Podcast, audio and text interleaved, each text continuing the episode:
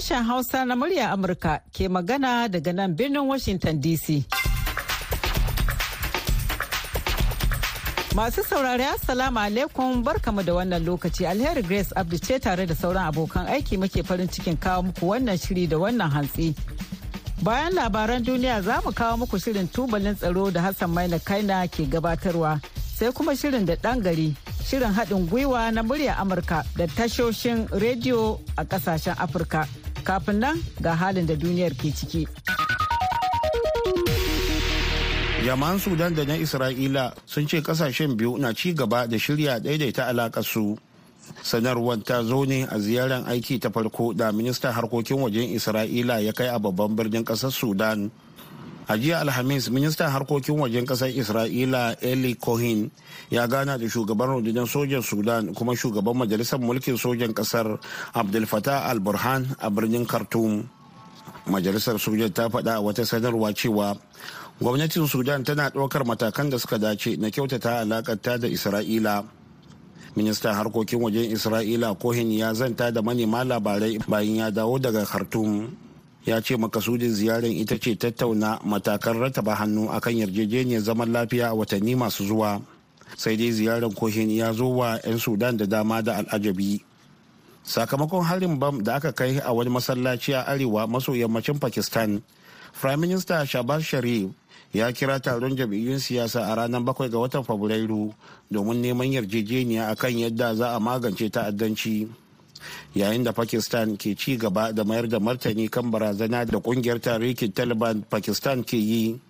'yan majalisar dokoki ciki har da ministoci a wannan mako sun buƙaci sojoji su ba da bayanai game da ta'addanci tare da barin yanke shawara ga zababbun wakilai.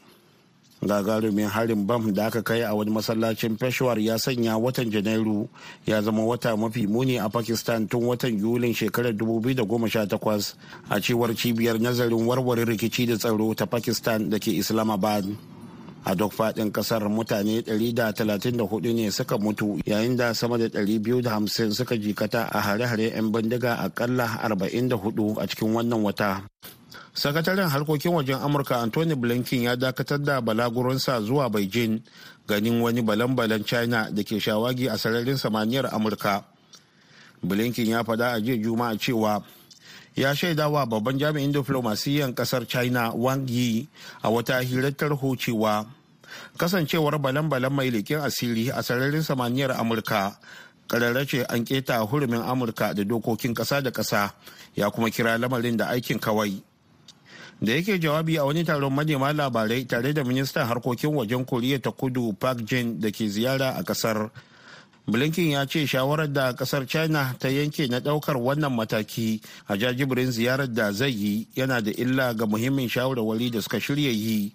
Sai dai blinken ya ce amurka ta jajirce wurin yin cuɗanya da china ya kuma ƙara da cewa zai ziyarci beijing idan aka ba da izini. A jiya juma'a jami'an tarayyar turai sun yi alkawarin ba da cikakken goyon baya wajen taimakawa ukraine sake gina kayayyakin more rayuwa a yaƙin da rasha ke ci gaba da yi yayin da amurka ta sanar da wani sabon karin taimakon tsaro na sama da dala biliyan biyu. Shugaban majalisar tarayyar turai charles michael da shugabar hukumar tarayyar turai ursula von der leyen sun gana da shugaban ƙasar ukraine volodymyr zelensky a birnin kiev domin halartar taron kolin tarayyar turai da ukraine na karo 24 jami'an turai sun ce ƙungiyar za ta goyi bayan ukraine muddin za ta karɓi taimakon.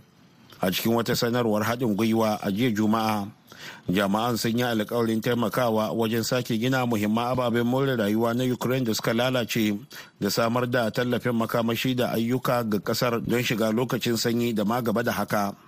Sun ce ya zuwa yanzu ƙungiyar tarayyar turai da ƙasashe mambobinta sun bayar da taimakon da ya kai dala miliyan 570 a fannin makamashi da sake gina ƙasar da kuma wasu dala miliyan 525 na ayyukan jin kai. A jiya juma'a amurka ta sabunta sukarta ga ƙungiyar islama ta taliban ta afghanistan saboda gaza cika alkawarin da ta ɗauka na yin mulkin ƙasar ta yadda ya dace tare da mutunta haƙƙin dukkan 'yan afghanistan har da mata.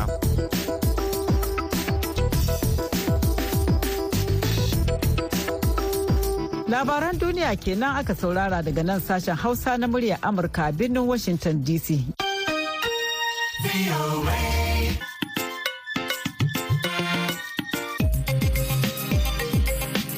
Yanzu kuma ga Hassan Maina Kaina da shirin tubalin tsaro, shirin da ke haska fitila kan matsalolin tsaro da suka buwayi al'umma da kuma matakan da jami'an tsaro ke ɗauka na shawo kan lamarin.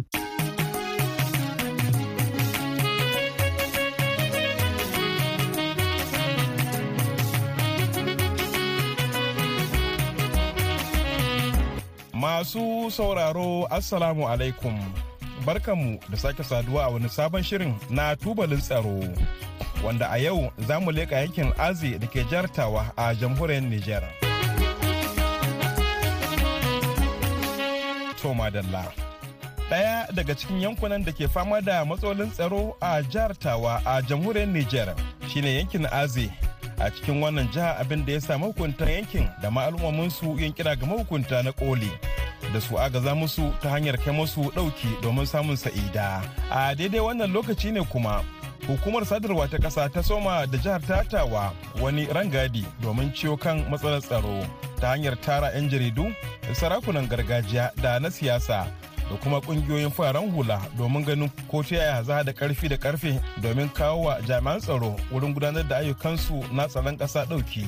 Akan haka wakilinmu haruna maman bako ya shirya mana wannan rahoto. Duk da ƙara samun saukin kan har-hare wa al'umma da ma askarawan jamhuriyar niger da ke fagen daga iyakokin ƙasar huɗu da ke gabas da yamma gusum da arewa da ma cikin garuruwa daban-daban na ƙasar musamman masu iyaka da tarayyar najeriya da mali da burkina faso da libya. Ana iya cewa wani wuri ana toshewa waɗansu wuraren ne yayin da waɗansu wuraren ruwa ke faccewa kamar yanda mutanen yankin azai a cikin gundumar abalak a cikin jihar tawar jamhuriyar nijar suke kokawa kulliyomin da hare-haren 'yan bindiga da ke kurdowa daga gundumar da kwaro da ke iyaka da wannan iyaka da tarayyar najeriya yayin da wani ɓangaren na da kwaro ke iyaka da waɗansu jihohin ƙasar kamar yanda magajin garin azai ya yi wa shirin tubalin tsaro bayani ta wayar salula. Muhammad Gudal Abazos, na komin Riral Azai. Tun da dadewa yanzu ya kai wata wata biyu ko uku haka ana baraman tare hayoyi na masu fito daga Abala zuwa Dakaro. Kai Abala zuwa Dakaro nan ne Azai tafiya. Kenan ana samu kama masu tare hayoyi na kuma sace-sace na bisa shi bisa motuna. Abin da yi barama ya yi yawa a yanzu zaman da makina. To yanzu wani mataki yalla wataƙila kuka ɗoka da ku da magabata na sama domin wannan matsala a ciwo kanta tunda ta kai ma jama'a karo. Yanzu gaskiya mun yi ta doka matakai ne kwanakin baya mun zagaya duka a nan a cikin kwamitin arzai mun zagaya gari gari. Muna ma mutane muna ce ma mutane duka su sa ido. Mutane gaskiya na arzai ne in ko wani ne duk su ba da labaru. Gwamnati dai ita kadai ba ta iya samu su wannan mutane tun da sun ta ɓoye ba sai ba su bayyana kansu kuma gwamnati ba ta iya sanin su. Suna iya boyewa cikin wani gari ko ko mutane su ɓoye su. A kakai da su kama ma an tsaro da labaru. Mu kuma mu aza komite komite da vigilance da mutane masu tsara labaru. Kuma masu sa ido su gani in wani mutum wanda ba su yarda da shi ba sai su gaya mana muka mu kare iko.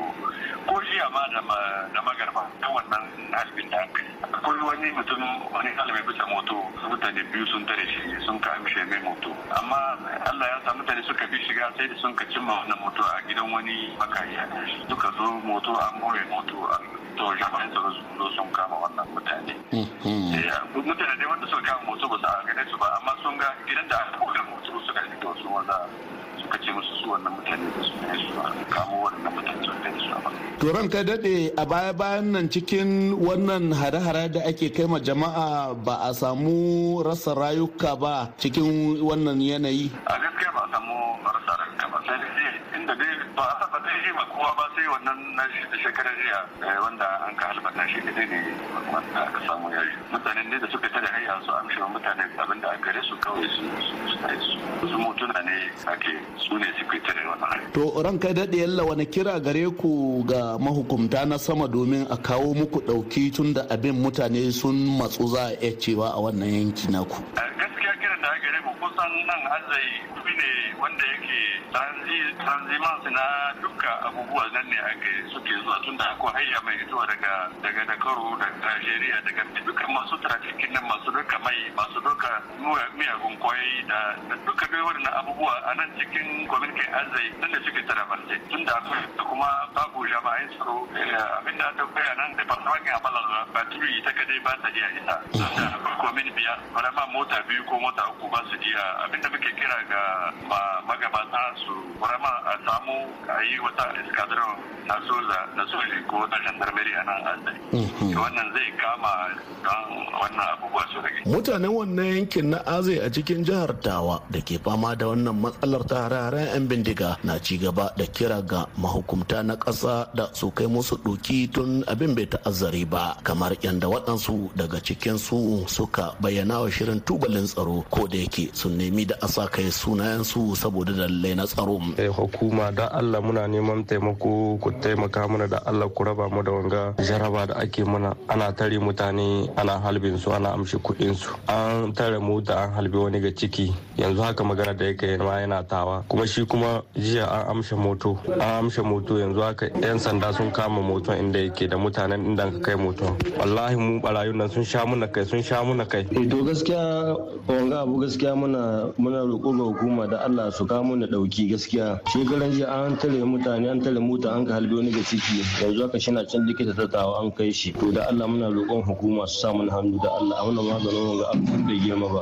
A daidai lokacin da al'ummar yankin azai ke ci gaba da wannan hali na kan harin 'yan bindiga hukumar sadarwa ta jamhuriyar niger csc ta somo na rangadi a cikin manyan biranen jihohin ƙasar wannan ko domin tara 'yan jarida da jami'an tsaro da mahukumta na bariki da na gargajiya da 'yan siyasa da ƙungiyoyin fararen hula domin ganin koyaya za a gama hannuwa domin magance matsalolin tsaro kamar irin yadda yake faruwa a yankin azai hukumar ku ta sadarwa ta niger csc ta soma ne da jihar tawa inda shugaban hukumar dr kabiru sani ya tabbatar wa shirin tubalin tsaro da waɗannan manufofi na kawo tasu gudunmuwa domin magance wannan matsalar ta hanyar samu gudunmuwa daga kowane ɓangare na 'yan ƙasar. ce canza ra'ayi bisa kwanciyar zaman lahiya da wannan tashin hankali da mutane da Nijar. To shi ne muke so mu shawo hankalin 'yan jarida da masu tsaro da 'yan horar hula da 'yan siyasa mu zamna mu 'yan jarida mu san wani irin labari ne gabata mu ba first defense da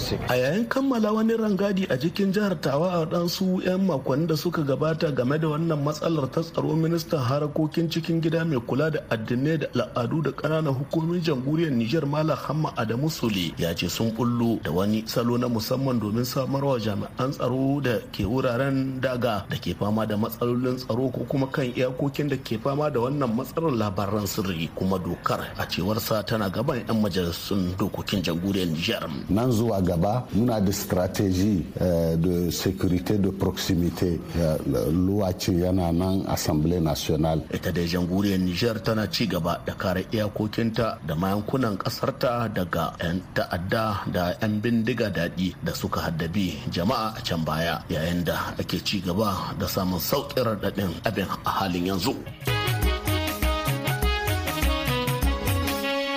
Masu sauraro duka-duka da wannan muka zo ƙarshen wannan shiri na tubalin tsaro na wannan mako. Sai kuma mako mai zuwa idan Allah ya kai mu kwaji mu ɗauke da wani sabon shirin.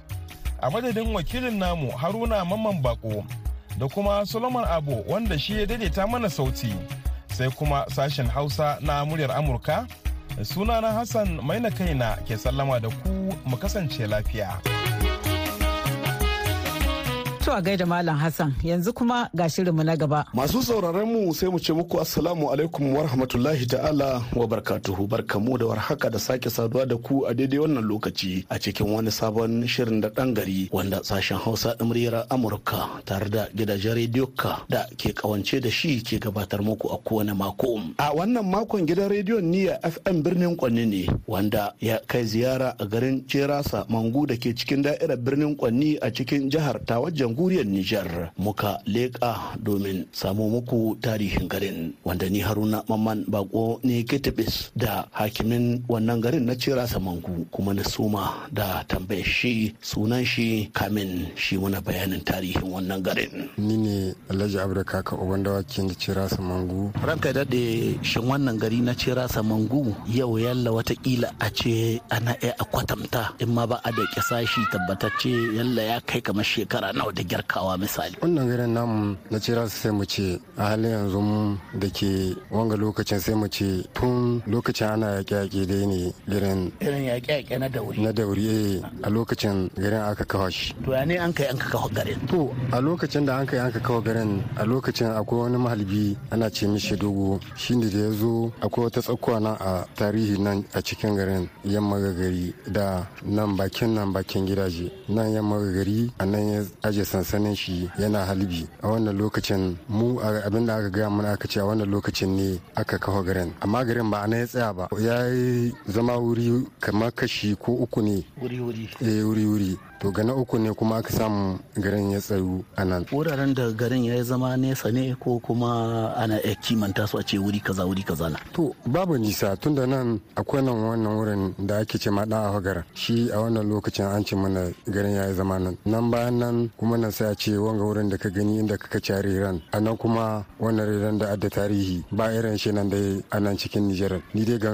sani in ba nan wurin ba. To nan ma garin ya zama nan wannan wurin. Tunda kusan dushi ne wanda kuma ga wani rere a ƙarƙashi gare shi. Sai kuma nan inda shike yanzu. Sai kuma nan inda shike yanzu. Yanzu nan ne Allah kawo garin ga shi sannu sannu har garin ya bunƙasa. Nan inda garin shike yanzu yalla ana iya sa mai yalla shekara nawa misali. To a nan yanzu alal misali sai mu ce mu a sanin uwayen uwayen mu sai a ce garin yanzu ya shekara ko a ce ya kai shekara ɗari huɗu da kawashi. To misa ake ce mai ce rasa mangu? To sunan da aka ce mishi ce rasa mangu shine ya ɗauko tarihi daga sunan kama a ce aljanu shine ake ce mishi rasa mangu. Wanda ita mangun mace ce e shi wannan wanda na gaya maka dogon a wannan makwabtan namu a nan ne ya samu aka gama shi da ita da shi bai da dangantaka da su waɗanga ɗin amma saboda hitina ta yi yasa sai suka samu suka aura mai wannan matar. kamar akwai rashin zaman lahiya tsakanin su amma saboda a zamna lahiya sai an kai mai mata. kai mai mata. Lalle akwai rashin zaman lahiya tunda mu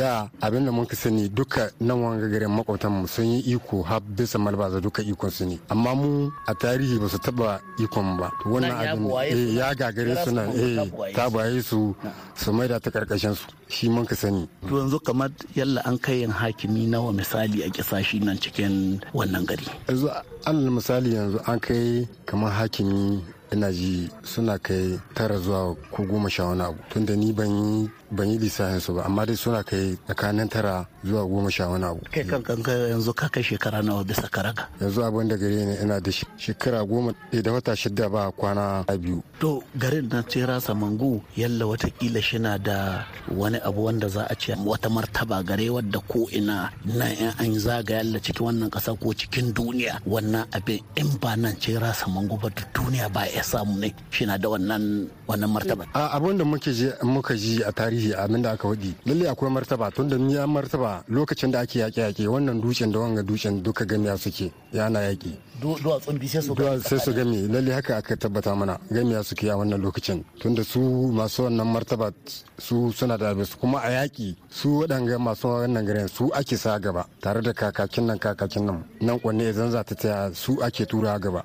Ana son a yi galaba. Da ana son a yi galaba a wannan lokaci to ɗauko mana bayani cikin martabobin garin na shi wannan raire da an ka ce ga raire bisa duci amma babu wanda da izinin shi ɗebo shi kawo shi gida dai. eh to shi wannan rairen sai a ce wani ikon Allah ne tunda ni dai na zaga wuri-wuri a cikin Niger ma har ƙasashen waje na je Mali amma ban taɓa ganin raire ƙarƙashin duci ba yan ba wanga ba kuma shi martaba shi wannan reran lalle ba a ci bai da martaba akwai martaba gare tunda akwai aljannu a ƙarƙashin shi ko saman shi ake cewa shi wannan reran tunda a lokacin abin da mun ka sani ba ka yi hawan reran nan ka yi kirari baka samu wata matsala ba. Amma yanzu ne abun yanzu ana iya ya a yanzu ko ana yi. Mu dai yanzu dai yan gari ko kuma muna matasa sun ce suna hawa bisa hanyar ko ruwa. Yanzu ma kai ruwa su zo su su tora kada bisa gare shi.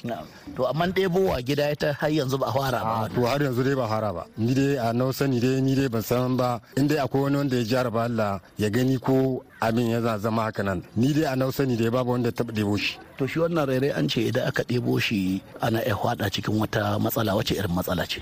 To ni ban san ba ko wace irin matsala ce. Amma eh ƙwarai tana iya tashi. A da yanzu eh a ce- can shekarun ba. Lalle haka mun ka ji ana gai kuma tsoron haka ya sa ba a ɗebowa balle yanzu a san martaba har yanzu akwai ta kuma yanzu kai babu wanda ke iya su jaraba tunda an tunda ana jin tsoron wannan abin. To ana iya cewa shi rairan kuna samun yalla ko wasu dan su daga zakwa ƙasashen waje don ɗaya gani ne a zaka diba shi. Akwai masu zakwa. Har tura ma suna zuwa wurin su je su yi yan hotunan su su su koma.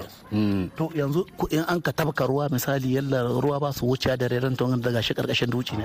Wannan Wani in an kai ruwa wani iko Allah ne. Yanzu in an kai ruwa yau in an kai ruwa in ka je za ganin wannan riran yana turo ko kuma ba ruwa ba su shika eh ba su shi ma wannan riran ruwa ba su shi. Ko an yi ruwa bai shi? Ko an yi ruwa bai shikiya sai dai shi wannan wurin ko an yi ruwa bai shikiya muna ai musan yalla wannan gari naku akwai wata matsala wadda a gare shi wadda yake son nan da nan hukumomi su a gizo a yi maza maza a a taimaka muku game da wannan matsala. To muna da matsala sai mu ce tunda ai shi gari ba ca ba matsala. Tunda akwai wuraren da ruwan mu na yanzu waɗanda muke sha har wurin rijiyoyi muna son mu samu foraje kuma wanda eh murzaje.